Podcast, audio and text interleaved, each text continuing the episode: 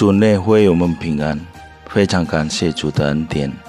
我们今天能再度参与读经运动反思。读经运动反思之前，请阅读本日读经运动的经文和请阅读本日读经运动的短诗。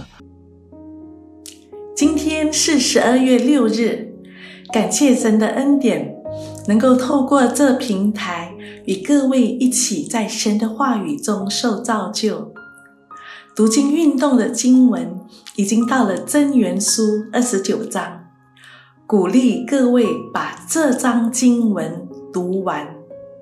真切的盼望各位在这几个月学习圣经的过程中，真是经历到神的话语在你生活中彰显的果效。我们一起祷告，我们在天上的父，满心的感谢你。使我们能借着圣经领会些许你浩瀚的智慧，特别是今天我们要学习的真元书，教导我们要在主里成为有智慧的人。我们知道自己的智慧很有限，求你帮助我们，奉主耶稣圣名求，阿门。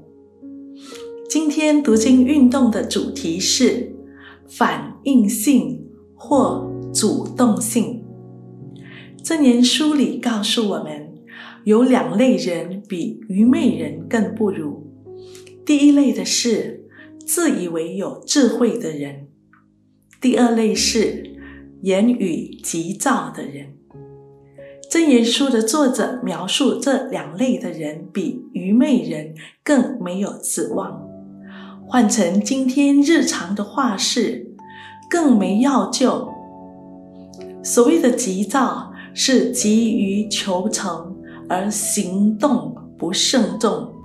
说话急躁，意味着此人说话不经思考，口无遮拦，信口开河。我们都知道，说出去的话无法再收回。若是说了伤人的话，或者使局面恶化。往往就造成祸从口出的后果。如何避免成为言语急躁的人呢？是否说话前先思考就够了吗？那么，上帝的儿女说话前必须思量什么？首先，我们要知道，急躁的人很容易受到环境的影响。他的态度和话语是对形式的一种冲动反应，并不是因所信的真理、价值观而做出的明智回应。使徒保罗在哥罗西书三章十七节的劝勉：无论做什么，或说话，或行事，都要奉主耶稣的名。所以，上帝儿女的原型。不应该是对情况一时冲动的反应，而是要奉主耶稣的名而做。